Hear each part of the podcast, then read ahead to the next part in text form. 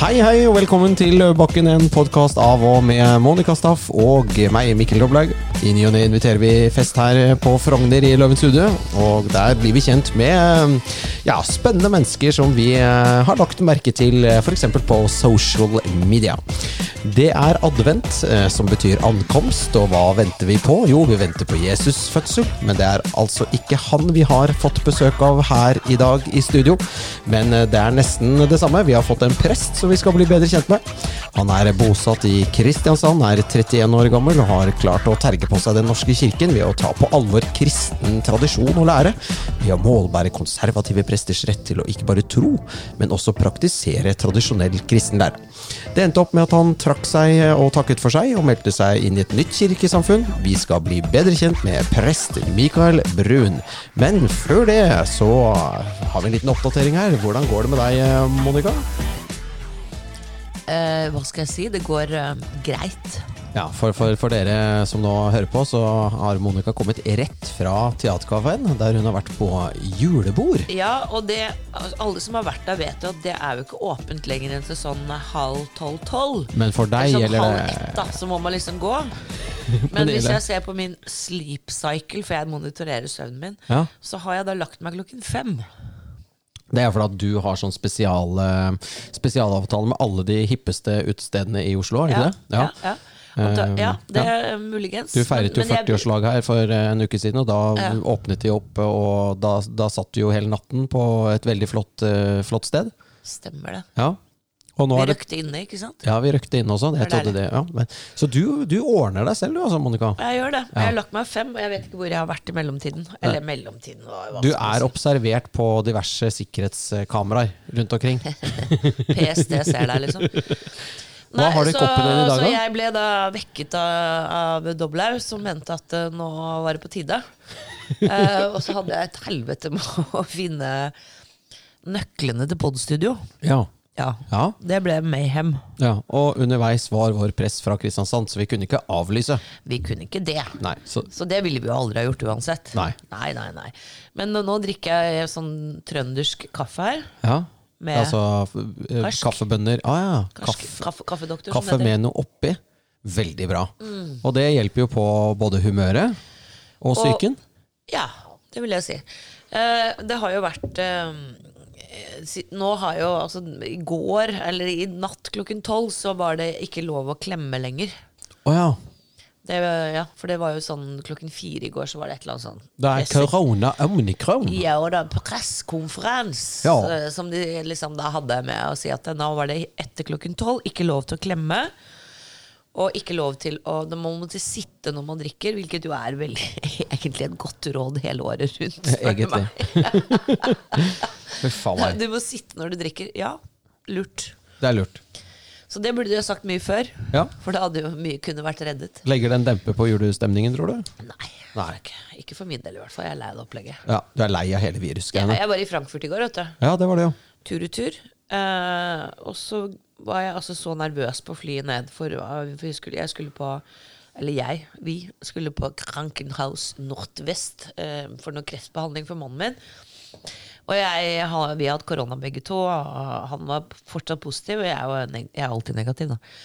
eh, så, så jeg var så Jeg grudde meg så fælt til liksom immigration in uh, det dritte Reich. Papieren bitte! Ja. Hvor kommer de her aus? Nein! Ja. Was sagst du? Ja, An, altså, så auf, hinter, sånn in, neben, Ja, über, unten, vor, zwischen. Ja. Så jeg bare grudde meg så jævlig Keine Nazis in Deutsch Nei, jeg bare tuller. Unnskyld.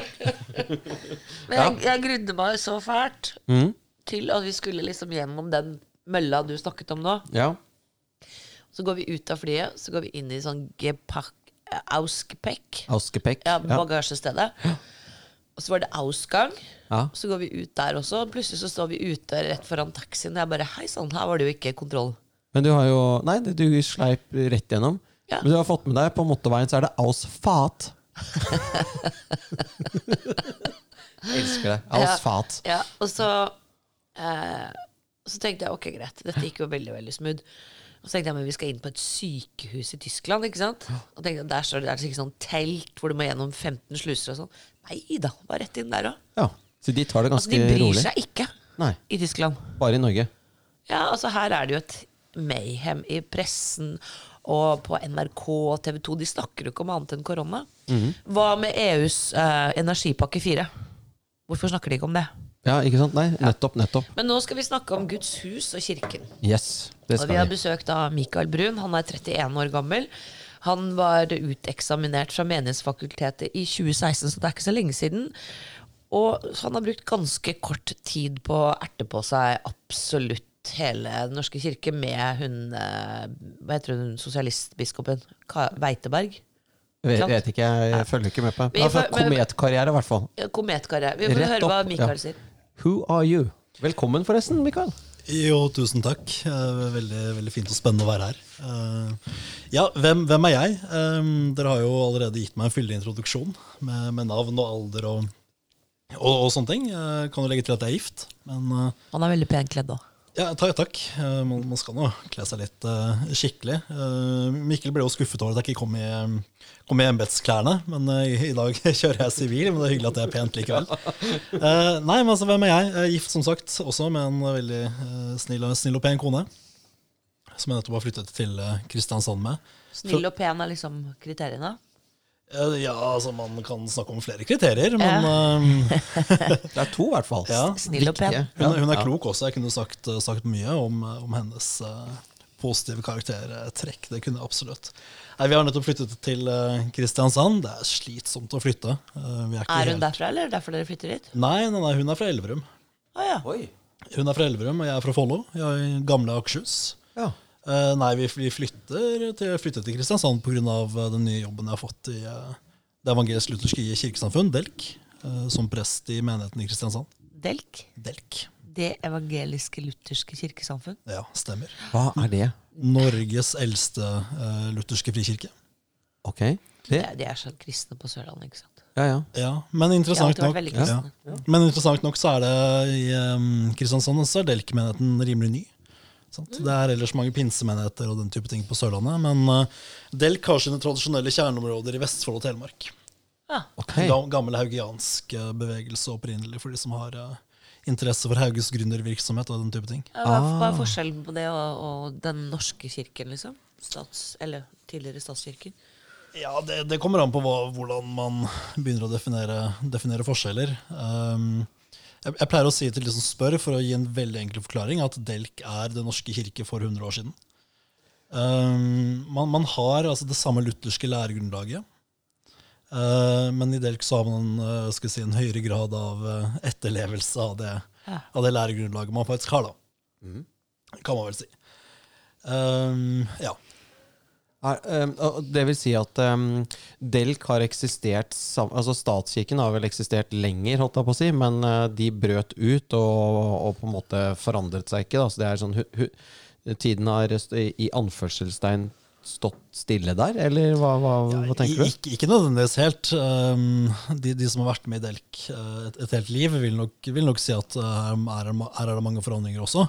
Uh, jeg som ny klarer ikke å snakke om det på, på samme måte. Uh, men, men Delk har også hatt bevegelser um, uh, på, på mange måter, også uh, i mye til, til det gode. Um, altså Tiden har stått stille, det er nok ikke helt sant. Nei, det ble litt sånn karikert å si, Ja, da, men ikke sant. du skjønner. Men, men, ja. men når det kommer til eh, skal si, etterlevelse av, eh, av det lutherske læregrunnlaget, så er det veldig godt i Delk. Det må vi komme tilbake til, men Absolutt. du nevnte haugianerne. Eh, vi hadde jo Sylvi Listhaug her. Eh, det er noen som kalles listhaugianere, men det er noen helt andre. Men, eh, hvem, er, hvem er haugianerne? Bare sånn veldig raskt. Ja, eh, nå, nå tror jeg det er i Norge i dag veldig få som vil måte kalle seg haugianere. Um, men altså, folk kjenner jo kanskje til Hans Nilsen Hauge, en av de store norske uh, vekkelsesskikkelser. Um, begynnelsen på, på 1800-tallet så reiste han rundt i Norge og holdt kristne forsamlinger og oppfordret til gründervirksomhet uh, og slike ting. Ja, For han var businessman også. Han var businessman også, um, og har jo fått mye av æren for uh, sånn norsk protestantisk arbeidsetikk. Den som nå ikke er der lenger, eller den som var? Eller er den der ennå? Var. Ja, det, det er ikke jeg rette mann til å svare på. Nei, du er teolog. Du er teolog. Jeg har aldri vært arbeidsgiver eller gründer, så det, det, det vet jeg ikke. Omfatte, ja. Men, men um, ja, han reiste rundt. Han ble jo fengslet, eh, blant annet, i flere perioder. For dette var jo på en tid hvor det ikke var lov. Eh, For da, da var det statskirkens eh, makt som eh, Det var da faktisk det var da faktisk .no hadde lov til å fengsle mennesker som mente noe annet. Ja, bortsett dette var for nok før internetts, uh, internetts tid. Men, men det gjorde man jo. sant? Hvis du, hvis du holdt forsamlinger, og da, da var loven sånn at da skulle den lokale prest skulle være til stede på alle samlinger, ellers så var det ikke lov å holde samlinger. Ja, så religiøse forsamlinger. Ja, Litt sånn som politbyrå med disse kommissærene eller hva heter for noe em emissærene fra Altså alle, alle, eh, alle, totalitære regimer eh, sørger for å ha et øyne og øre der det skjer noe. Ja, og vi var, Det var jo en enevoldstid. sant? Vi var under danskekongen, og han hadde all makt. Eh, Ikke enevold, enevelde. ene- Enevelde. Ja, han brukte vold. For å opprettholde eneveldet. Yeah. Stemmer. Det stemmer. Ja, ok, så, Men det er haugianerne, da. Det som, eh, Stemmer. Mm. Men ja, uh, du ja, Hvorfor uh, Du er 31 år. Mm. Um, hvorfor, og da bestemte du deg for å bli prest, for det tar vel uh, Hvor mange år tar det å bli prest? Seks år tar det å bli Seks prest. år, ja. Så da var du 25-ish? Da Han du begynte på Menighetsfakultetet i 2010. 2010, såpass, ja. Det var ferdig i 2016? Å, ja, det, ja Er det nei, noen som har regna? jeg, jeg har ikke regna. Jeg bare, jeg- du ble selvfølgelig ikke prest i går. Nei, Eh, det stemmer. Du bestemte deg eh, tidlig for å bli prest, med andre ord. Det, det stemmer. Jeg fikk vel det man kan kalle et prestekall eh, da Ja. jeg gikk på gymnaset. Var vel en 16-17-18. Rundt der. Det begynner å bli så, såpass lenge siden faktisk at det er vanskelig å huske detaljene. Men, men da pleier jeg å si at jeg fikk et prestekall. Eh, Sto du ute i skolegården, og så skjedde det Altså kom det Gud er overalt. Eller var det mer normalt, holdt jeg på å si? Nei, det, var- det, var litt, eh, det var litt mer normalt. Det var ikke en overnaturlig opplevelse på den måten. Um, når, man, altså når man snakker om et um, prestekall, så kan jo det komme på flere måter. Uh, både på en måte innenfra en selv, og fra, fra hva andre må, må si til deg, og, og slike ting. da. Og da, da, da bestemte du deg, rett og slett? Da bestemte jeg meg for å bli prest, og da, da hadde jeg jo et par år igjen før jeg kunne begynne på den veien. Eh, Men etter et år da i Forsvaret så um, søkte jeg på MF og kom, kom inn der. Så det var førstegangstjenesten? Stemmer. stemmer. De, de fleste på 16 år vet jo egentlig ikke hva de vil bli når de blir store. Det er jo mange som ikke vet det når de er 25 eller 30 Nei, eller- eller 42. eller 42 som Sånn meg. Sånn. Mm. Ja, jo, men, jo, men, eh, så det er ganske imp Jo, men jeg syns det er kult, da. At det er liksom eh, De fleste da løper rundt og sparker på blikkbokser og hopper ja, men altså, det er liksom Mens du bare 'Jeg skal bli prest'. Ja. Ikke sant? Så du tror at. Gud finnes? Ja, ja, det stemmer. Jeg tror at Gud finnes. Men Er han overalt, eller er han liksom bare en, en, altså en åndelig Eller er han en person? Ja, ja takk, begge deler. Um, altså vi, vi, vi sier at uh, altså en av de, de definisjonene på, på Gud er at han er et åndelig vesen. Um, også en av Guds karakterer er jo at han er um, allestedsnærværende. Så han er overalt, uh, overalt alle steder, uh, til, uh, til alle tider. Uh, og I den kristne tro så snakker man jo om treenigheten. sant? Hvor det er fa Faderen, Sønnen og Den hellige ånd. Og da, da, hvis man skal da gå inn i, det- inn i det teologiske språket, så er jo terminologien da at uh, Gud er altså en, ett vesen og tre personer. Ja, men dette er viktig, jo. Men for, fortell litt om Så det. Den hellige ånd er en del av Gud? Ja, altså guddommen, da, hvis man skal bruke et norsk Ja, ord og på det. Jesus er liksom da sendebudet, da?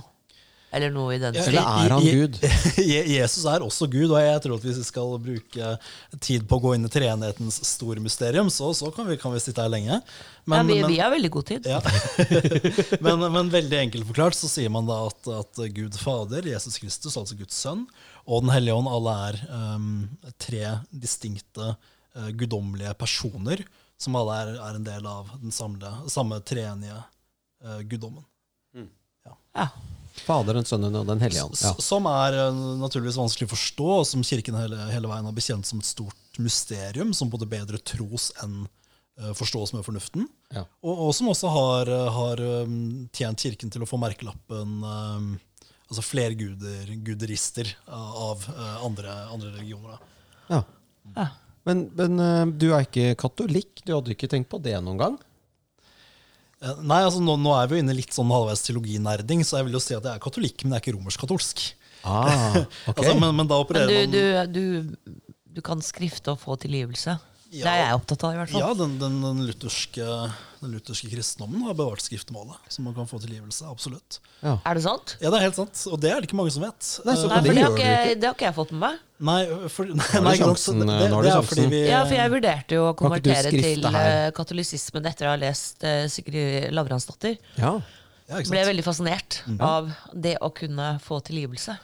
Kan ikke du kjøre skriftemål her, så tar piper ut de tingene som ikke skal Dream on, doble. Det skjer det hadde nok ikke jeg vært med på heller. Skriftemålet er en eh, såpass, såpass hellig sak at det, det tar man når mikrofonen er av. Og det er privat. Det, er- det er helt privat, og er også rammet av noe av den strengeste taushetsplikten en prest eh, kan ha. Ja, er, den, er taushetsplikten gradert?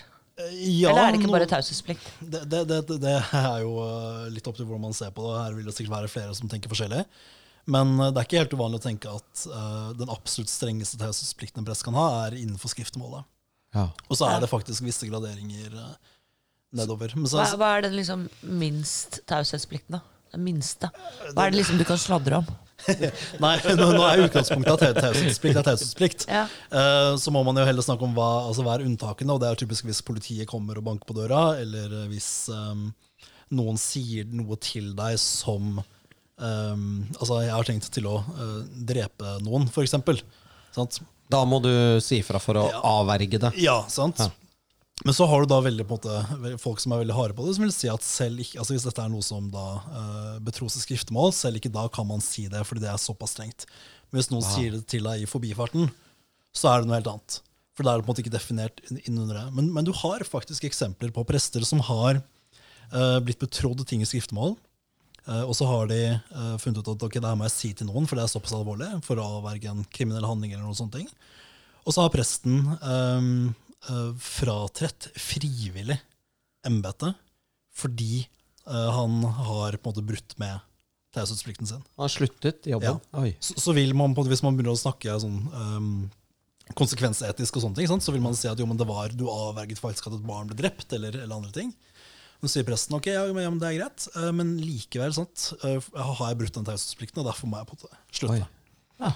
Så det såpass absolutt er det. Det er alvorlig. Uh, Men, Det var, eh, det var ikke det som skjedde med deg? Nei, det, det var ikke det som skjedde med meg. Men bare for å konkludere den, så har vi, uh, har vi absolutt fremdeles beholdt skriftmålet skriftemålet i den lutherske tradisjonen, selv om um, man, man kanskje ikke er så opptatt av det lenger. Og det er veldig synd, fordi det, skriftemålet er en veldig vakker ting. Og Det, det å Jeg er helt få, uh, enig. og Hvis man kunne sagt det liksom på starten av alle gudstjenester, og de som har lyst til å skrifte sine synder her, kan komme eh, ut i sakristiet etterpå. Ja. Ikke sant? Før kirkekaffen, liksom. Eller under kirkekaffen. Ja. Ja. Så det er interessant at det ble nevnt, for det er faktisk en av mine hjertesaker at vi innenfor vår uh, tradisjon skal uh, gjenvinne det.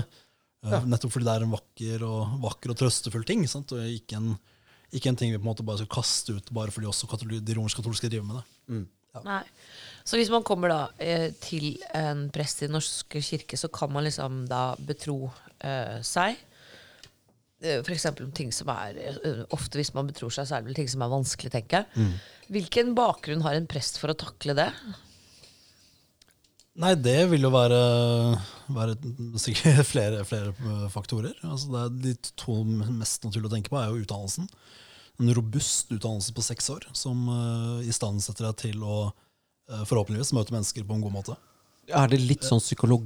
Altså, blir du litt psykolog... Du er jo det, er det ikke det man kaller sjelesørger? Ja, Sjelesorg er jo det vi er inne på nå, sant? og da, Ja. da skal man jo møte altså folks historier og folks vanskeligheter med, med lyttende respekt. Sant? Ja, det er noen som har mistet et barn, noen som har ja, Det er jo Du har jo liksom fødsel, eller eh, dåp, eh, bryllup og kanskje litt skilsmisser, og også død. Altså det er på en måte Det er jo hele Det, det, det er ganske mangfoldig. Sant? Og hvis man har begynt på teologien så tidlig som jeg gjorde, altså rett etter eh, videregående eller rett etter førstegangstjenesten, så, så er man jo ikke gamle karen eh, når Nei. man er ferdig. Nei. Så da kan man være relativt ung, altså et, par år før 30, og få ganske heftige ting i fanget. Så da, da har man ikke så mye livserfaring heller sant, å, å hvile seg på. Så da er det jo um, da er det utdannelsen, og så er det jo den, den trøsten man finner i Bibelen, som man kan, kan videreformidle. Og, og så er det også noe med det, altså, Siden vi snakket om skriftmål, så er jo det en veldig sånn tydelig ting hvor man har altså på en måte dette, dette som kommer fra embetet. At man er ikke bare sin egen person, men man er uh, kirkens og Guds tjener. Så man har noe å komme med som ikke er fra seg selv. Mm. Mm. Det har vært viktig for meg når jeg var ung og uerfaren prest. Ja. Uh, men Menighetsfakultetet, tilbake til det. Så seks års utdannelse. Det gikk vel en del uh, Altså Hun er kona til Jonas Gær Støre. Ja, Marit Slagsvold Støre ble akkurat ordinert som prest stemmer det. Stemmer. Ja. i Uranienburg kirke, tror jeg det var. Eh, og da må det jo ha gått en del mm, damer på det studiet. Eh, Ja, det stemmer. Og de ønsket å bli prest, liksom. Hva, hva tenker du om det? Nei, altså På det tidspunktet da jeg gikk på MF, um, så hadde jeg på en måte ikke fullført min konservative reise. Uh, så jeg var, jeg, var ikke, jeg, jeg var ikke kommet dit på det tidspunktet at jeg tenkte at presidensen var forbeholdt menn. Uh, som jeg gjør nå. Um, som de aller fleste Ja, jo vet fra, fra media. Uh, men eh, der er jeg nå, og det er en sånn delthet for min del. For jeg tenker at folk må jo altså, studere, studere hva de vil, og, og, og bli hva de vil. Og det er jo helt, helt eh, fint. Um, men når det kommer til en kirkelig tjeneste, da, så det, har det jo vært eh, vanskelig for meg og for flere å ja, holde gudstjeneste for eksempel, sammen med eh, kvinnelige prester.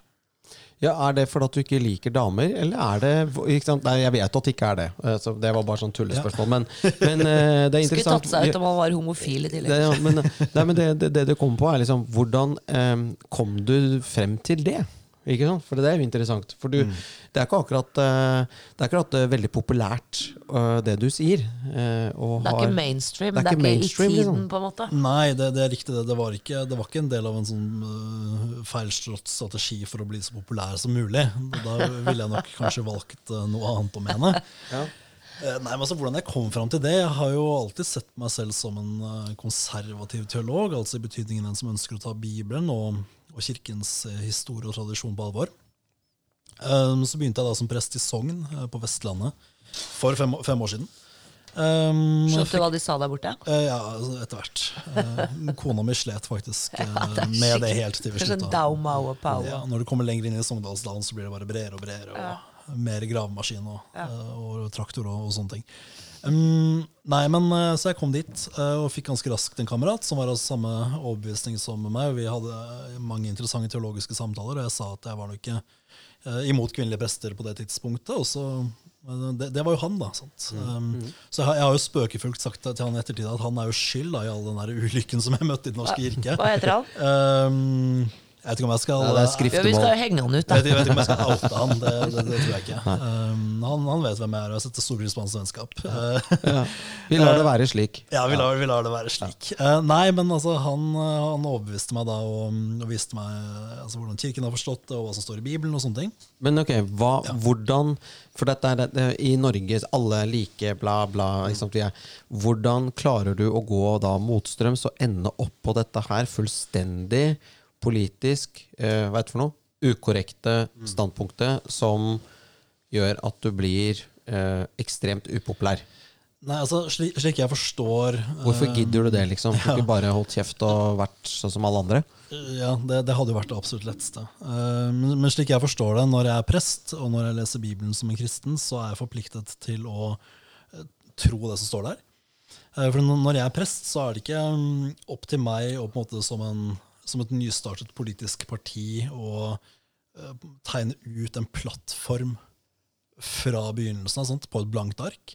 Liksom ta alle alle mulige teologiske områder og finne ut ok, hva mener Mikael om denne saken. her, sant? Eh, Jeg har autoriteter over meg. sant? Um, Så min idealsituasjon skulle vært biskopene, som kunne fortalt meg hva som er det rette kristne å lære. Eh, Den eh, situasjonen har vi dessverre ikke hatt i Den norske kirke, at um, biskopene har kunnet gjort på veldig, veldig lenge. Um, men altså, man har jo Bibelen, da, og så har man kirkehistorien, tradisjonen, og så innenfor luthersk eh, sammenheng så har man det man kaller de lutherske bekjennelser som er grunnlagsdokumenter fra reformasjonstiden, som uh, lutherske prester skal være forpliktet på. Um, så da, da kommer jeg jo til det at hvis jeg skal um, må ikke la skal vi si, prestegjerningen bli besudlet av egne, egne meninger og ting jeg selv foretrekker, så må jeg ta på alvor det som, det som Kirken har lært, eh, og det som står i, eh, i de viktige skriftene våre, sånn, i Bibelen og i, i de lutherske bekjennelser. Um, ja. Så det, det, det er det som har vært viktig, og det som har gjort at jeg på en måte tenker at ok, men da får det koste det det koster. Uh, så jeg ikke sitter her og dikter opp en egen kristendom, men faktisk forholder meg til det som har vært et, trodd av bedre teologer og prester enn meg før i tiden. Sant? Ja, det er, det er et, et, et ordtak som heter 'prinsipper koster'. Ja. Og Det tror jeg veldig mange bare sier. Men du har jo faktisk fått levd igjennom at prinsipper koster. Det er, vondt, det er vondt å være prinsippfast.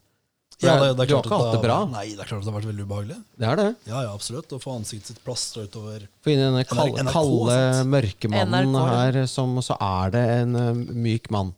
Nå, vi bare tuller. Dette er mye ironi her. Det- Ja, men jeg er jo, jeg er jo forholdsvis myk. Altså, Jeg er jo, er jo mykere enn jeg har. Sant? Jeg er ikke noen sånn machomann som kjører traktor. Og jeg går litt på jakt, da, det jeg. Ja. Sånn, eh, forsøk på å liksom, ha, ha, ha noe- Ja, i, i teorien. Jeg er ikke så veldig god jeger. Hvordan var det å få Statskanalen etter seg?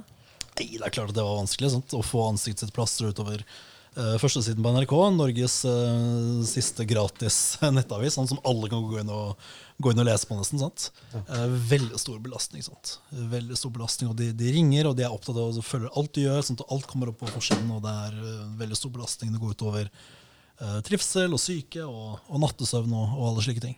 Ja, og de, de kjører deg liksom de, de har en agenda, da, så de kjører deg Følte du at det var noe greie bak der? Ja, det var, det var en opplevelse at det var kampanjejournalistikk.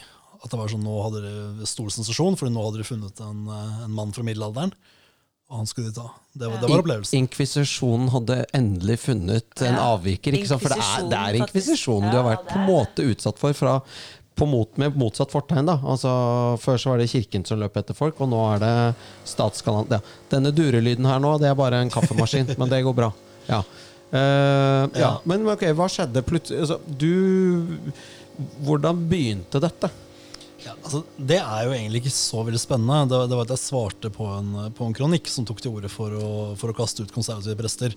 Eller i alle fall slutte å ordinere uh, konservative prester. Altså prester da, som ikke ville holde gudstjeneste sammen med uh, kvinnelige prester. Um, tok, til, tok til motmæle og skrev en uh, kronikk selv, som ble plukket opp av NRK. Inkvisisjonen? Ja. ja, så, så ble jeg invitert på Dagsnytt 18. Da, og For det var vranglære du kom med der. ja, sant. Ja. Uh, og mm, jeg ble da invitert på Dagsnytt 18 og stilte opp der, og møtte da uh, noen motdebattanter. Um, Og Og- hvem var det? det var um, han eh, som hadde skrevet den opprinnelige kronikken, uh, domprosten i Tromsø, Uh, og Gyri Gunnes. Ja, Selvfølgelig. ja selvfølgelig. Ja. Eh, hus, eh, husteologen i NRK. Kan man vel også kalle det. Hun har også gått på Menighetsfakultetet, eller? Eh, det vet jeg ikke. Nei. Nei, fordi uh, Ja, uh, tilbake til Menighetsfakultetet. Er det et veldig politisk utdannelse? Det virker sånn. Um, det er litt vanskelig å svare på. Nå er det mange år siden jeg har vært der. Men uh, Menighetsfakultetet er jo tradisjonelt det konservative av de to i Oslo. Ehm, men fra bekjente som har vært innom Menighetsfakultetet etter at jeg sluttet, så hører jeg at det har blitt, um, blitt mer politisk. Ja, fordi nå har jo de gått ut og sagt at de er eh, imot mer eh, olje. eh, altså at vi skal ikke lete etter olje mer i, i, i, på norsk sokkel. Stemmer. Er ikke, er ikke det underlig greie? Jo, men, men det er altså kirken, sant? Og Ja. ikke Menighetsfakultetet. Ja, men jeg tenker, Hvor får de liksom de ideene fra at de liksom skal mene noe om sånne ting? Det må jo være den utdannelsen. Mm, Ja, eh, det, det kan det jo være, men nå, nå, nå hører det jo delvis med at mange av de som tar til orde for disse tingene, enten ikke er, selv er prester. Altså Kirkemøtet i Norsk kirke har jo masse lekfolk. eh, Eller at de prestene som tar, tar til orde for det, faktisk er utdannet eh, fra Menighetsfakultetet på en tid hvor det ikke var så politisk. Så heller enn utdannelsen så vil kanskje jeg tilskrive det et ønske om å eh, et sterkt ønske om å følge med eh, på alt det som skjer i tiden. Og hive seg på. Um, Er de desperate etter å få nye medlemmer, da? Så de liksom skal være De skal, de skal også ha litt sånn Greta Thunberg? Kirken har jo, altså kirken har jo en eh, Kirken har jo en virkelig en nedgangstid. Sant? På, på 20 år så har den mistet 20 av medlemmene sine. Altså mistet de 1700 til etter at det kom Ja, oljeutdannelsen. På, på, på en knapp uke. Sant? Mm. Så det er jo en jeg, jeg tror nok at Kirken prøver å gjøre seg selv relevant. Eh, Det er, det er en tendens man har hatt i Kirken eh, sikkert i 100 år og vel så det. Sant? Um, At man ønsker å bli mer og mer relevant i samfunnet fordi man ser at folk sekulariseres og trykkes bort fra Kirken. Um, men i et forsøk på å bli relevant, så um, innrømmer man jo da både for seg selv og for andre at evangeliet sant, om, om Jesus ikke lenger er relevant. Ja. Sant, at Jesus ble født og, og døde for å, for å sone verdens uh, synder.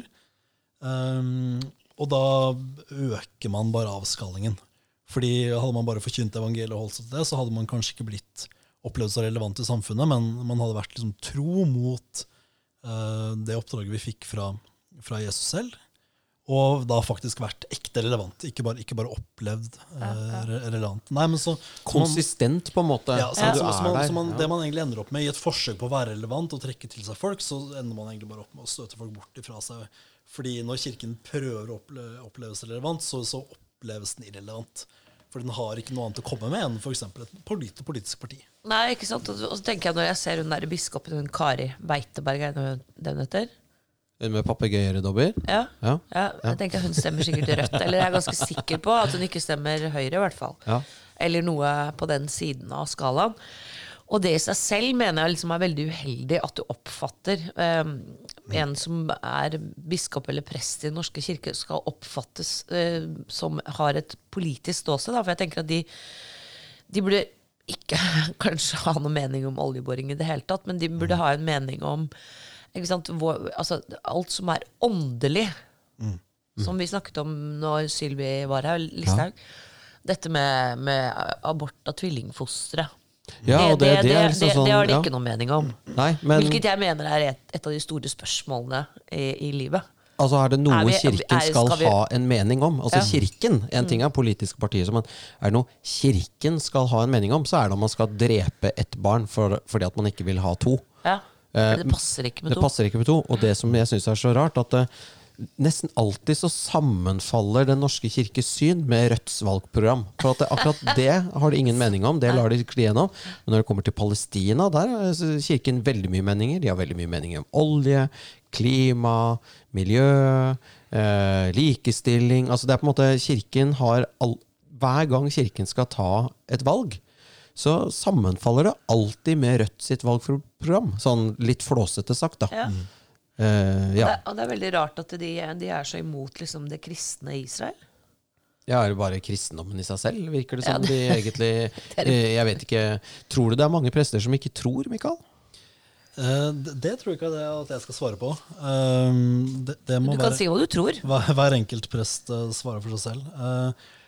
Til nå så opplever ikke jeg at vi har eh, så mange signaler om at det er mange prester i norsk kirke som både ikke tror, eller sier at de ikke tror. Eh, I Danmark er situasjonen en helt annen. Eh, Der har du hatt noen saker om prester som offentlig går ut og sier at de, at de ikke tror. Altså i den danske folkekirken. Ja. samme situasjon har du ikke på den måten i Norge. Um, hvis, du, hvis du spør hver enkelt prest i norsk kirke, um, så vil du jo potensielt få litt, eh, litt forskjellige svar. Og så har du jo en, altså noen som opererer med um, litt ymse definisjoner av Gud. Sant? At man begynner å snakke om at ja, nei, men Gud er vel ikke Faderen i himmelen. Sant? Og, og den type Det er hen og sånn? Nei, vi hadde, vi hadde jo Einar Gelius her, og da spurte jeg han om han trodde på et liv etter døden. Virket ikke sånn, altså. Han Han var mest opptatt av hvilket liv vi lever mens vi er her på jorden. Her er nå, ja. Men det, det eh, er også viktig. Ja, ja. det, det, det, er kanskje kan, man- kan man tilkjenne Gelius. Uh, men men um, ja, Den kristne kirke har alltid bekjent troen på himmelen. Og Så du tror på himmelen? ja, jeg, tror, ja, ja, jeg tror på himmelen. Ja. Det- Tror du at Mikkel og jeg kommer til himmelen? Tror, tror du på Jesus? ja. Litt i tvil, men Vi kan ta det skriftemålet etterpå. en liten samtale. du kan ta det. Ja. Jeg, er fast, jeg er som en Men jeg tror jeg kommer tro. til himmelen, i hvert fall. Ja, ja, ja. Uansett. Altså, det, det, som, altså, for, blir ensomt der, da. for- Og vennene dine er jo helt annet sted. Monica. Nei, sorry. Unnskyld. Ja. Det er nedenunder. Uff. Ja, nei, altså vi, som, som en uh, ja, skal jeg si, tradisjonell prest, så tror jeg at livet har potensielt to utganger. Å svare på hvem som ikke kommer til himmelen, det er, det er vanskelig, og det skal, man være, det skal man helst ikke gjøre. Det har Ja, for det er opp til Gud å bestemme. Altså Det har Kirken gjort altfor mye, og, og kristne gjort altfor mye til alle tider. Og snakket om at du kommer uh, Til helvete. til helvete. Det, det er, da, da setter man seg i Guds sted som en dommer. Så det å være viss på at noen kommer til å gå, gå fortapt, det, det har jeg ikke troen på.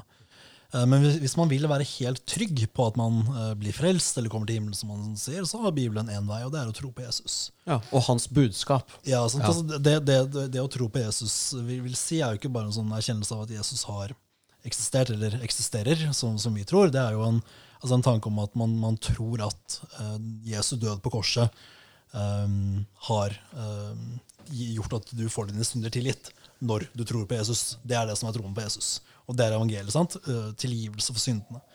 Eh, apropos skriftemål, sant? Der får du eh, der får du høre at syndene dine er tilgitt sant? når du bekjenner dem. Eh, Så da, når man da tror på Jesus på den måten, sant? at Jesus har dødd for deg, det, det er da du kan si at ja, men da vet jeg at jeg er frelst. Eh, og hvis jeg dør nå, så kommer jeg til himmelen. Ja. Det er, veldig, det er en veldig hyggelig tanke også. Det er Ja. enkelt. Det er ikke Sant? Det, veldig det, det, komplisert. det er trygt sant, og trøstefullt. Uh, og, så, er det vanskelig da å snakke om uh, ja, hva med alle de andre. Sant? Det er det mange som har prøvd å, sv- å svare på. Sant? De svarer for seg selv. Kan jeg, er ikke det litt sånn det er, da? Jo. sant? Har du vært på Golgata? Nei, jeg har ikke vært i Israel. Dit må man dra. Der har jeg vært. Jeg har vært der, ja. Ja, det, Ja, jeg har fått høre det også fra flere, at til Israel må man reise. Det har aldri, aldri passet seg sånn, men jeg har veldig lyst til å ta turen dit. Det er ikke så langt som du tror. Nei, det er ganske intenst òg. Ja, Ja, det vil, Men det- vil jeg tro. når vi dro til Israel, så var jeg sånn der Jeg bare tenkte det er dritlangt unna, liksom. Ja, var gode drinker i baren og Ja, og så fløy vi, fløy vi via München. Mm. og så tenkte jeg ok, den flyturen derfra til Tel Aviv er sikkert seks eh, timer eh, pluss, liksom. Mm. Så jeg bestilte sånn business business class. altså er det mest bortkastet pengene jeg har brukt noen gang. Det var liksom to, to og en halv time, tror jeg. Ja, ok. ikke sant. Fra München til Ja, ja. Tel Aviv. Ja. Altså, det var så kort at det var helt latterlig. Du, du fikk faktisk ikke helt uh, gin i tonicen. Nei, Før de bad- rev den ut av Ja, ja. Din sånn, og på "We are Approaching. Yes, Tel Aviv. Gurion. Ja. Det du skal jo bare en kort tur over Middelhavet, så det er jo ja, ja. Ja. Men du må jo reise dit. Det er ganske Jeg, jeg fikk en sånn uh, tur til um, Israel i 40-årsgave. Det er jo Så kom jo det, dette her eh, koronagreiene. Så, eller, så vi har ikke fått dratt ennå. Men jeg tror de vennene mine de bare ga den, så regnet de med at de skulle slippe å dra. okay. Men du har jo vært der før. Kasper, Helge, Erik, Harald. Jeg vil til Israel. Hvis dere hører på den podkasten, når drar vi til Israel? Det virker som at jeg må organisere den turen. Det Og var jeg en har vært der før, sånn at jeg må også Du være vet, med. du jeg må er være med reiseledersjef. på guttetur. Ja. Ja. ja, men det blir kult. Det blir ganske evig tur. Men altså, Erik og Harald, nå må dere ta dere sammen her. Og Kasper også. Det er ikke jeg som skal organisere min bursdagstur til Israel. Men ok, du vet hva, dette var Sorry. Ehm, digresjon. eh, sorry, Mikael. Du kan kanskje være med på gutteturen, du også. Eh, Ja, men ja, absolutt. det var jo Men eh, i den Da får ikke konservative jeg være med. avisen han skal være med. Jo, jo, han, han Det er ikke det at han ikke liker kvinner. Han liker kvinner. ja. Men han har lest Bibelen, og det er det som er problemet til kirken. ja, hvorfor kan bare menn være prest? Det, der er jo et viktig poeng. Sant? Altså at jeg, jeg, jeg har jo ikke noe mot kvinner. Det, det er jo den tingen jeg på en måte blir uh, oppleves at jeg blir virkelig urettmessig beskyldt for. Det er å ha et negativt kvinnesyn. Sant? Det, og jeg har blitt spurt av, av også ellers ganske oppegående mennesker om, om jeg mener at det er lov for kvinner å ta utdannelse eh, eller jobbe og den type ting. Og det, det mener jeg naturligvis. Um, det, men det er, det er kun dette med prest. Eh, og før, jeg svarer på spørsmålet ditt, så er det bare viktig å si at jeg opplever at mye av de utfordringene vi har, det er jo fordi man ikke lenger ser på uh, prestetjenesten som en, altså som en særskilt eh, tjeneste innenfor kirken. Eh, eller, Som en åndelig tjeneste. ja, som en åndelig tjeneste, og man ser ikke lenger heller på kirken som altså, noe annerledes enn en vanlig arbeidsplass eller en vanlig organisasjon. Og Man ser også da bare på prestetjenesten som en, eh, som en vanlig jobb. Du kommer på jobb. Som å jobbe på regnskapskontor, liksom. Ja, absolutt. Det, det er min opplevelse at det, sånn er, det, det er sånn man tenker kollektivt da, om prestetjenesten om kirken. Det er ikke noe spesielt, det er bare en vanlig arbeidsplass og en vanlig jobb, og da er det arbeidsmiljøloven over Bibelen og den type ting. Um, hvorfor um, bare mannen kan være prest, det er også et, et sammensatt svar. Det er kombinert av to ting eh, primært. Det ene er hva som står i Bibelen, og det andre er hvordan kirken har eh, praktisert dette i sin, eh, i sin historie, altså i, i tradisjonen. Um, I Bibelen så står det jo blant annet at, at eh, altså, Paulus um, snakker, om, snakker om presten som, som mann i, i første Timoteus brev. Blant annet at, um, at, at presten eller, eller biskopen da skal være én kvinnes mann og den type ting. Um, og så er det også de, altså de, de forbudene sant, hvor, hvor Paulus skriver at um, en kvinne skal tie i forsamlingen. En, uh, ja, nå, nå mista jeg tråden på det, men eh, kvinnen skal tie i forsamlingen er det ene, men også at han ikke tillater kvinnen å ha læreautoritet over en mann. Og, og det er jo det vi tenker at er en del av presidensen, det er å ha denne, denne undervisningsautoriteten, forkynnelsesautoriteten. Skal de også tie i forsamlinger? Ja, altså, i, altså når, Følger du Paulus slavisk på det? Ja, altså Paulus er uh, en man skal lytte til. Var? Uh, ja, uh, var. Han lever jo ikke lenger, men skriftene hans har vi fremdeles. Man skal, man, skal, høre på Paulus, fordi han var Herrens apostel, som man sier. Altså en, en, en, en mann, et menneske, med en særskilt autoritet i, i kirken. Um, Jesus har også sagt om apostelen at den som hører dere, hører meg. Så, så vi, står, vi, står, ikke fritt til å um, avvise Paulus bare fordi han var et menneske. Så alt det som vi har i Bibelen, skal, skal man høre på og, og følge. Um, men altså når, når, man sier at en kvinne skal tie forsamling, altså en mann som ikke er prest, skal også tie forsamling. Men forsamling betyr ja, det forsamling ja, det, er, det, er, jo den kristne forsamlingen. Nettopp, så det er ikke, det er ikke politiske partier, det er ikke på torget, nettopp. Og det er der misforståelsen kommer. Så det er bare kommer. presten som kan snakke? I forsamlingen. Ja, altså da, da, er det jo snakk om den kristne forkynnelsen. Um, altså i gudstjenesten? Og så har man da uh, litt varierende praksis. Noen steder så har man jo også uh, lekfolk som holder prekter. Uh, det, det, har man jo bl.a. i Delk. Og det, det, kan jo være en fin ting også hvor, hvor flere kan, kan komme, komme, til å forkynne evangeliet. Um, men utgangspunktet er at det skal være ordnede forhold for hvem som forkynner evangeliet i en gudstjeneste. Mm. Det, det, er det viktige, sånn at, ikke, ikke, at ikke hvem som helst eh, kommer, eh, kommer fram. Mm. Sånt, eh, men, mens kvinner har en veldig viktig oppgave i kirken. Bare ikke, det er å høre på? Ikke akkurat på prekestolen. Nei, det er ikke, altså, da, da, må man jo si at alle som ikke er prester, at deres oppgave, eneste oppgave er å høre på. Ja. Kirken er et fellesskap av mennesker som handler om mye mer også enn en selve forkynnelsen og gudstjenesten. Um, og man, ja, man må ha et levende fellesskap som Um, vi har mista det litt nå, men som egentlig er en familie. Sant? Hvor man skal ta omsorg for hverandre, uh, veilede hverandre, støtte hverandre. Alle disse gode tingene. Sant? Mm. Uh, og der er det plass for, um, for, kvinner, og også for menn som ikke er prester. Sant? Vi er ikke en uh, de, de, de, får ikke lov til å si noe? Ja, det er klart de får lov til å si noe, men ikke, altså, ikke akkurat fra prekestolen. Men det, det, det, som slår meg nå, nå er jo du har jo en kristne menighet, men du har jo også mm. nye menigheter i Norge. Eh, islam, eh, der er det ikke så veldig mange kvinnelige mullaer og, og forkynnere. Mm. Eh, og, og, de er ganske harde på de greiene der, faktisk. Ja, og de, de, får jo gå i fred. Det er jo, NRK løper ikke rundt med mikrofon etter disse her og plager dem nei, nei, de nevneverdig. De elsker det jo. Ja, så det er jo liksom Det er jo litt sånn forskjellsbehandling her også, da, hvis, du, hvis du ser på det. Ja. Men, men, det jeg tenkte på Jeg bare så på Minerva, den konservative avisen, holdt jeg på å si. Um, der uh, er det Asle Tøye som, uh, som, som sier at, at, det er liksom en, en, konservativ eksodus fra Den norske kirke. At kirken støter fra seg velgere eller mennesker på høyresiden. Og at, at norske prester snakker stadig mer om velgeren Jesus snarere enn frelseren Jesus. hva tenker du rundt det? Ja, Hvis man ser på utmeldinger av Den norske kirke de siste årene, så er jo de, de store utmeldingsrasene er jo i forbindelse med uh, kontroversielle uh, standpunkt. Um, det var uh, også et ras av utmeldinger på noen, noen tusen, jeg husker ikke nøyaktig antall, i 2016 og 2017. Da Kirken vedtok at man skulle innføre ekteskap for, for mennesker av samme kjønn. Mm. Og på samme måte nå, når man vedtok dette med, med å anbefale stans i oljeleting. Eh, så, så, ser man jo det at det er jo der de store utmeldingsrasene kommer. Personlig så har ikke jeg hørt altså, så mange snakke om, eh, om velgere Jesus. Men, men, det er klart at det er, jo en, det er jo en trend at man er mer opptatt av politiske saker enn um, enn av å faktisk formidle og forkynne evangeliet. Ja, hva syns du om uh, ekteskap mellom uh, likekjønnede? Nei, Jeg holder meg også til at, at ekteskapet er for en mann og en kvinne. Mm. Altså den, eh, den, den, kristne Hva er for noe? Definisjonen av det?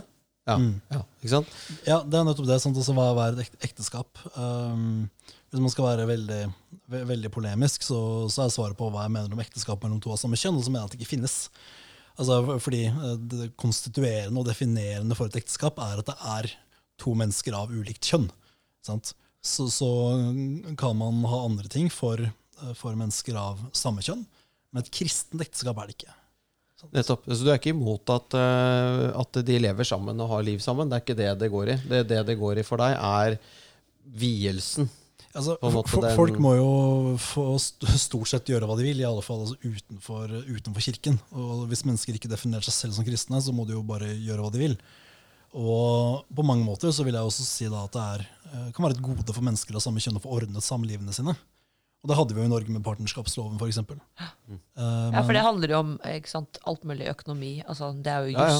Ja, sant? Man lever det er jo sammen og- Ja. Men, men, men da å si at uh, vi, vi tar dette her inn i kirken og sier at det er et ekteskap, og sier at Gud velsigner det, det mener jeg at det ikke, ikke er lurt å gjøre. Nei, for, for kan Gud velsigne det, ifølge Skriften? Gud har jo, har jo sagt at, um, at det er mann og kvinne som hører sammen, sant? og at man ikke skal um, leve da, altså nå, snakker vi om det seksuelle blant annet, sant? Ja. med en annen av, av samme kjønn. Um, det, det er noe som ikke, som ikke Gud setter pris på, hvis man skal si det sånn. Uh, og um, og da, da, da hører det med at uh, hvis, hvis kirken sier at dette er noe Gud velsigner, så um, um, ja, står det ikke i Bibelen at han gjør det, i alle fall. Nei. Men det, har vi kommet da frem til et punkt i samfunnet at man egentlig ikke tar Kirken og Bibelen så seriøst lenger? Kanskje, kanskje det er liksom sånn at man er For at um, Man blir ofte spurt om om man er personlig kristen eller kulturkristen. da.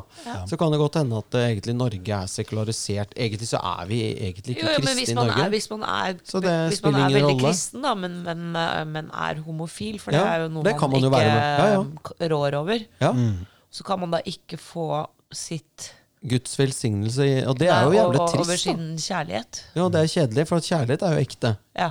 Altså, det er jo, jeg, jeg skjønner at, eh, at de blir eh, sinte og forba eh, Jeg vil si forbanna, jeg. Altså, jeg, jeg skjønner at dette her er en, en sak som er vond. Ja, Det, fordi det, at man, det, det er klart, ja, og En som er så konservativ som jeg, må også erkjenne og, og, og vise ydmykhet overfor at dette her er ekstremt vanskelig. Dette er ikke noe hyggelig, liksom. Nei, nei, nå- Nei, så jeg, jeg har et eh, lesjebisk eh, vennepar. Ja, ja, ja. Og Anne og Sidsel Hør etter, jenter. Eh, og de, eh, de har da mm, Ja, det var ikke meningen å utlevere akkurat Nei, men de vet ikke men, hvem det er. men, altså, jo, men i hvert fall så har de da liksom ikke sant? Det å få barn er jo veldig vanskelig når man ikke Mm. er mann og kvinne, f.eks.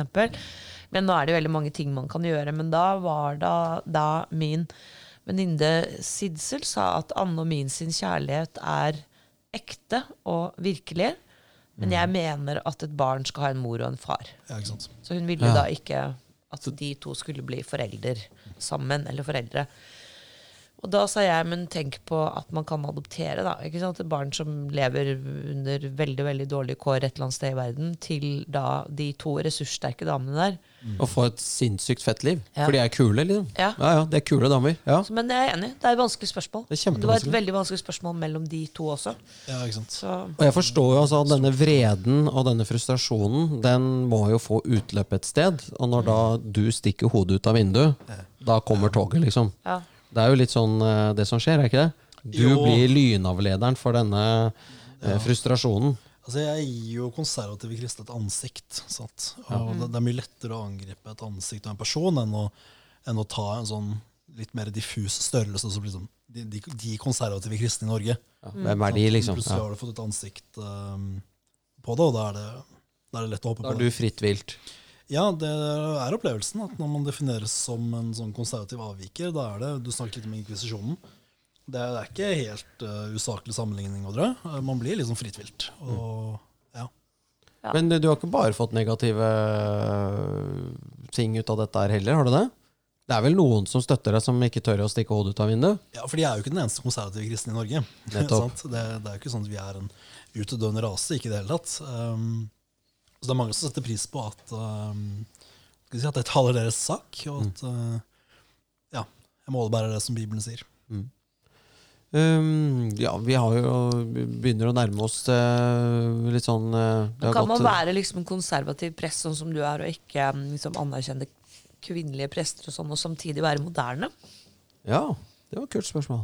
Ja, det, det må jo andre mm, enn enn meg selv svare på, men jeg ser jo på meg selv på mange måter også som et barn av min tid. Sant? Ja, Du kom ikke hit i hest og kjerre, f.eks.? Jeg kom ikke hit til kjerre. Jeg skriver med kulepenn og ikke fjærpenn. Um, og jeg lever egentlig et helt vanlig, moderne liv. Altså, jeg er jo ikke, jeg er jo ikke amish eller noen, noen sånne ting. sant? Um, jeg snakker re relativt ungdommelig sant? og er uh, egentlig et helt vanlig menneske. Det, er- Du er ikke født sånn, i 1990 eller noe sånt? jeg er født i 1990, ja.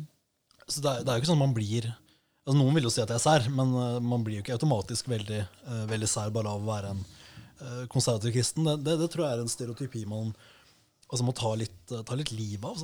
Altså, vi er helt vanlige, normale mennesker. Uh, ikke, ikke skumle eller farlige eller, eller noen sånne ting. Sant? Altså, du slår ikke og sånn? Nei, nei, naturligvis ikke.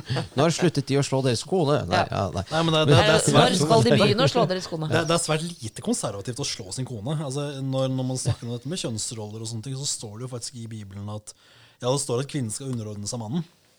Uh, men eh, folk blir ofte så sinte at de glemmer å lese videre. Uh, de stopper der, og så står det noe mer, da. nei, og han, han sier at uh, kvinnen skal underordne seg, og så, men så leser man videre, og så skriver Paulus at eh, mannen skal elske eh, konen sin eller kvinnen som Kristus elsket kirken. Oh, da skal du elske Det, konen det, din er, ganske hardt, da. det, det er vakkert. Det er Og vakkert. det, men det er et ekstremt høyt ideal. Sant? Det er ganske mange menn som ikke gjør det, tror jeg. Ja, sant? Så hvis du f.eks. slår Mange kona di, sant? eh, så Da elsker elsker du ikke eh, kona di som Kristus elsket kirken. Sant? Blant annet. Så det, det er, Man skal virkelig behandle konen sin eh, som den dyreste, dyreste skatt i hele verden. Eh, fordi det, eh, det det er jo sånn Kristus behandler kirken som den dyreste skatt i hele verden. Så, så høyt at han ville dø for den. Ja. Så du vil dø for din kone, om det skulle være? Ja, det, det er i alle fall det som er budet fra Paulus, eh, Ja. fra Den hellige skrift. Men du følger jo de andre tingene, så da gjør du vel Skulle, skulle det komme til det, så håper Ja. jeg virkelig at jeg hadde klart å følge det idealet. Ja. Ja. Så, så hører det jo med til, eh, til Bibelens bud at det er idealer. Hadde vi klart å leve alle perfekt, så hadde vi vært perfekte Sant, mennesker. sant, sant, Ja. sant. Eh, Men det er idealer som vi skal følge så godt vi klarer. Ja. Eh, Jeg prøver selvfølgelig å elske kona mi så godt jeg klarer. Mm. Der inn kommer jo de ti bud. Sant? Absolutt. Hadde vi klart å følge alle de ti bud, så hadde vi vært perfekte mennesker. Er Da, ja, da hadde kanskje mye i verden også vært uh, litt enklere. Ja, mindre konflikter og Det er jo egentlig ganske greie kjøreregler, da, de ti bud. Ja. Det er litt sånn kardemommeloven. Eh, du Skal ikke plage andre, du skal være grei og snill, og for øvrig skal du gjøre hva du vil, og da går det som regel ganske greit. Det er veldig godt oppsummert av de ti budene. Det er det. Det er nesten sånn, da. Ja. Men um, Ja, men ja. Sånn omtrent. Kan du sende Ja. noen pepperkaker? Du har nesten spist alle her. Jeg blir redd, jeg nå. du blir redd? Hvorfor da? Jeg har lyst på én. Jeg tar to, da. Jeg pleier ikke å spise pepperkaker, men, uh, men uh, det ble veldig br brått. Veldig brå jeg måtte stå opp veldig brått i dag. Ja, det ble vondt, men ja. Men, uh, Pepperkaker, nei, jul Jeg tenker på Vi har en prest i studio. Eh, vi går inn i julebordsesong. vi- Det er adventstid nå. adventstid, det er full fart, det er gløgg. Snart andre søndag i advent. Folk løper rundt med helt ville i blikket på kjøpesenter og river til. Jeg var på i Bogstadveien her på lørdag. Ja. Det var jeg, Etter syv minutter så ga jeg opp. Det var, det, det var så sykt at jeg orket ikke å være Hvorfor der. drar du dit på en lørdag? Det er jo fordi jeg er dum, men det er en annen sak. Det kan vi ta i neste podkast. Mikkel er dum-podkasten. Skal vi ha med en psykolog eller psykoanalytiker. Mikkel er tjukk i huet. Tjukk i huet på Men poenget mitt er jo bare at uh, julen har jo blitt noe annet enn kanskje det den skulle være. Og vi har jo her en prest som vi kan snakke litt om. For du, du har vel noen syn på julehøytid og, Ja. Og hvilken tid vi går inn i? Ja. Det har jeg absolutt. Vil, du- vil du spisse spørsmålet nå, eller skal jeg Nei, jeg synes du, du kan begynne med sånn grei ut, og så kan vi eh, Ja. fyre opp grillen etter hvert. Så du sier noe som er feil. Ja, ikke sant? Nei, altså, nå er vi jo i adventstiden, da, eller, eller julebordsesongen, som du også kalte den. Eh, ofte, of, ofte sammenfallende. Um, adventstiden tradisjonelt i, kristen, i den kristne kirke er jo en forberedelsestid sant? Eh, mot, fram mot jul.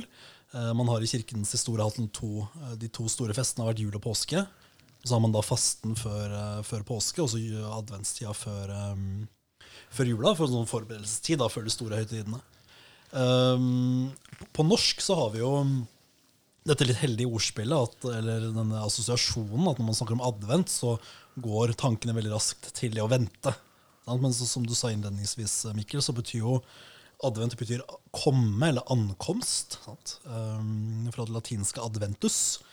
Uh, men men vi, vi venter jo også, sant? så det er, det er uh, faktisk en heldig assosiasjon. Uh, dette med ventetid fram mot, fram mot jul og fram mot at Jesus blir Som egentlig er forberedelsestid. Ja, som er forberedelsestid på at um, Da ikke på at Jesus skal bli født, for det har han, har han jo allerede blitt. Sant? Men, men det latinske Det er bursdagen hans. ja, men, altså, men, men advent, eller adventus, ankomst og komme, har, har egentlig tre uh, implikasjoner. Det ene er at vi på en måte minnes og feirer årlig at Jesus ble født for 2000 år siden. Uh, det andre er hvordan Jesus kommer til den enkelte troende sant, i, i evangeliet. Med, med ord om tilgivelse og, og syndens forlatelse.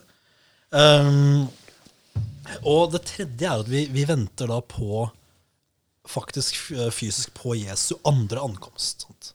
Det er jo noe den kristne kommer kirke tror, at. Jesus kommer tilbake.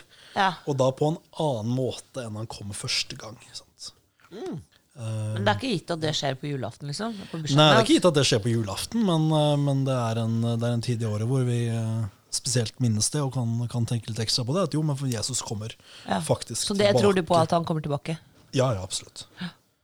Ja, interessant. Men, men hva, hva tenker du liksom at eh, Coca-Cola kommersialisert um, Ja. du, du, du fortalte en gang om at julenissen har sittet i fengsel for vold.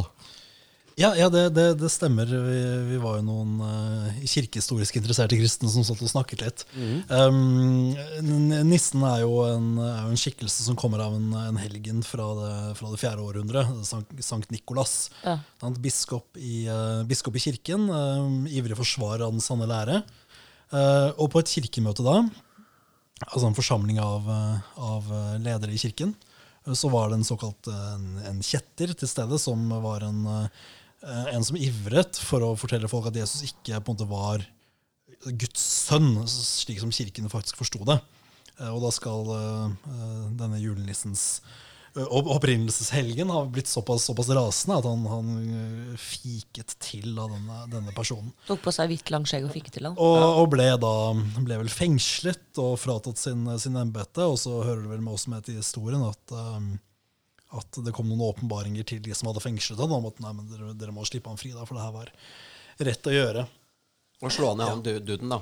Så julenissen har sittet i fengsel for vold. Jeg vet for noe overlagt uh, Ja. ja, Ja, overlagt legems, Ja, eh, fornærme- lege. legemsfornærmelse, eller Ja. man, hva man sier. Hva er Ja. Gjort i affekt. Det var formi- formildende. Ja, ikke sant. Ja. Ja, nei, men altså, når, når det kommer til dette med kommersialiseringen av julen, så er jo det en, altså for meg så er det en dobbelthet. Sant? Um, det, er, det er jo sørgelig å se hvordan mye av julens budskap om altså omsorg for sine nærmeste, altså kjærlighet til, kjærlighet til medmennesker, uh, at Gud kommer til jorden, alt det der drukner i supertilbud om nye TV-er fra Power og, og det som er. Sant? Det er et veldig sånn, voldsomt kommersielt kjøpepress. Um, samtidig så er det jo altså, mye av den julestemningen sant? med julepyntede handlegater og ja, den der Coca-Cola-julenissen og sånne ting, det, det bidrar jo til altså Hvis man ikke går seg helt blind på kjøpepresset, så tror jeg at dette med pynt og julestemning, julegater osv., det eh, kan faktisk bidra til å belyse og minne oss på at jo, men det er faktisk en, en spesiell høytid vi er inne i nå. Faktisk. Um, og så får det bare være sant, at, at julenissen kjører rundt i Coca-Cola-lastebil. Um, ja, for det er liksom merkelig akkurat det. Fordi jeg tenker ja, også at det, sant. liksom Ja. Nissen eh, er jo da også blitt veldig kommers. fordi at Før så var jo den norske nissen var jo en fjøsnisse med liksom rød topplue. Ja, sant. Eh, og nå er det liksom eh, den der Coca-Cola-nissen. Det, er jo mye, altså, mye som er importert fra USA, og, og går liksom hvordan, altså, hvordan julenissen har gått fra å være en, eh, en helgen uh, i den tidlige kirke til å, til å bli det, det han er i dag. Det Ja. uh, ser jeg at vi ikke, ikke har tid til. Um, men, men så, så det er en dobbelthet sant, i at um, jeg, jeg, jeg, jeg tror vi må prøve å bremse litt mot den intense kommersialiseringen av julen. Samtidig så er det noe av det som faktisk kan bidra til å bevisstgjøre altså at jo, men vi, har, vi er i en spesiell tid. Sant? Da, nå er det advent, og nå er det, nå er det jul. Sant? Ja. Skal du holde noen julegudstjenester? Eh, nei, det skal jeg faktisk ikke. Eh, for jeg begynner ikke i den nye jobben min som prest eh, i, i Delk før i januar. Okay. Så jeg har faktisk, Det er litt eh, ferie nå. faktisk en form for ferie. rett og slett. Ja. Eh, Så da er det til Elverum og til eh, konas eh, familie da i jula. Ja. Og hva spiser dere da på julaften? Ja, hva, hva spiser vi da egentlig? Uh, Jeg har vokst opp med litt sånn forskjellige eh, juletradisjoner, annet kalkun. Ja. Eh, Oi. Men, mens konas familie er mer tradisjonelle, så de har vel ribbe. Altså Det er jo østlandsfamilie. Ja, Så det blir nok ribbe og den type ting. Jeg har um, forsøkt et prosjekt med å innføre juleskinke som liksom vår, eh, Tradisjon. vår tradisjon. Kona går motvillig med på det hvis hun får ribbe andre dager i jula. Ja, okay, ja. Ja. Men nå skal vi til hennes familie, så får vi se. Da blir det sikkert ribbe. Men uh, eh, julen ringer så inn uh, klokken fem på julaften. Og der uh, hvor jeg kommer fra, var det et ganske strengt opplegg. Vi spiste alltid klokken fem. Altså presis, sharp. Da satt vi oss. å. Fomf å Ja. startet Weihnachten. Punktlich mot sein. Da, da, dette er jo ja, lenge siden nå, men da hørte vi alltid på et program som går på radioen hvor eh, eh, julen ringes inn eh, med kirkeklokker rundt i mange forskjellige kirker rundt om i Norge.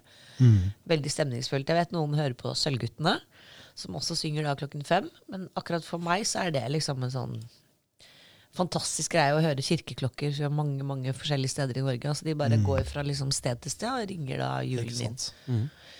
Eh, sånn at, eh, Og jeg er jo fra Vestlandet, så vi spiser pinnekjøtt. Og det er liksom bare sånn Du serverer liksom ikke noe annet enn det. Nei. Det skjønner jeg. Ja, fordi når folk liksom sånn Nei, vi spiser litt forskjellig. Ja, noen ganger har vi liksom eh, Altså, jeg bare Hæ? Er dette for slags opplegg? Ja, ja. Altså, du Det er jo en fast meny. ja. Jeg har rype.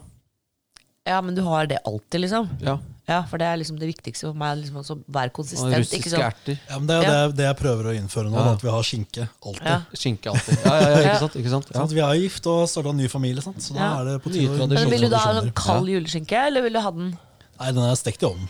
Ja. Ja. Men altså, varm og god? Ja, varm og god. Med hva slags saus? Um, nei, det kan vel være mye forskjellig. Nei, det skal ikke være mye forskjellig, Ja, det skjønner er det svaret du skulle. Nei, det går ikke. Jeg har giftet meg med en mann fra Østlandet, så vi har både ribbe og pinnekjøtt. Ja. Bare nekter. Altså, vi har begge Du, deler. lag, du kjører begge deler. Altså, jeg har en ovn med sånn åtte bluss. Alle er i drift på julaften. Ja, ikke sant? Det er koselig. Men det var jo gått en liten time her, og begynner ikke look, eller lagt Light Christmas. Det er koselig. Hvordan, Det er veldig hyggelig. det er veldig koselig. Savner du at du ikke skal um, holde en jule... Hva heter det for noe? Forrett eh, ja, bli, Eller blir det litt deilig å ha fri? Um, nei, altså, jeg kommer ikke til å savne det. Jeg er veldig glad i å holde gudstjenester. Veldig Kommer glad du til å gå i Den norske kirke på julaften, da, eller? Det kommer vi nok ikke til, uh, til å gjøre. Nei. Nei. Uh, nei, det, det ville ikke vært naturlig. Um, Jeg skal det. Ja, jeg, jeg kan si mer om hvorfor um, etter at vi har skrudd av mikrofonene. Um, nei, men Jeg kommer til å savne det. Jeg er glad i å holde gudstjenester. Uh, samtidig så er det um, jo da eh, jul, første jula på lenge, og som, som jeg da får um, ja, får muligheten til å få fri. da. Ja, det er deilig, det òg. Ja. Det blir mange år med tjenester framover, og det gleder jeg meg til. Men uh, man kan ønske frien velkommen når den kommer. Så den som ønsker å høre mer av Mikael, kan da melde seg inn i den evangelisk-lutherske kirkesamfunnet i Kristiansand. Ja, eller Eh. andre steder i Norge der hvor man måtte bo. Ja. Mange Ja, men på, på Hvis man vil høre mer av deg, tenkte jeg. ja, meg på. spesi spesifikt, ja. Ja, ja, ja. Blitt veldig, altså, sikkert mange som har blitt veldig interessert nå i løpet av poden her. På å Ja, høre, det, kan nok, kan høre nok mer på denne konservative mannen. Så, så vil jeg jo si at uh, ja, i kirker der hvor evangeliet forkynnes, så er det ikke noe spesielt ekstra jeg har å komme med. Sant? Så det kan man like så godt høre i Oslo eller i Skien eller andre steder. Det viktigste for en prest å forkynne er ikke Så sine egne overbevisninger, men det samme evangelium. Det høres ut som uh, the high note som vi skal avslutte på, Monica. Jeg var fornøyd med den Ja, det var det. Tusen takk for at du kom. Har du noen visdomsord til år før det er 30 sekunder igjen av jinglen her, eh, Monica? Slå deg løs. Nei, altså, jeg har ikke meldt meg ut av kirken etter det der oljeboringsgreiene. Jeg har vurdert det, men jeg har bestemt meg for at jeg skal bli og gjøre meg gjeldende. Så det er det. Ikke noe mer. Og ja, snart god jul, men vi skal vel podde litt før det, tenker jeg. Det skal vi. Ja. Ha det bra, alle sammen.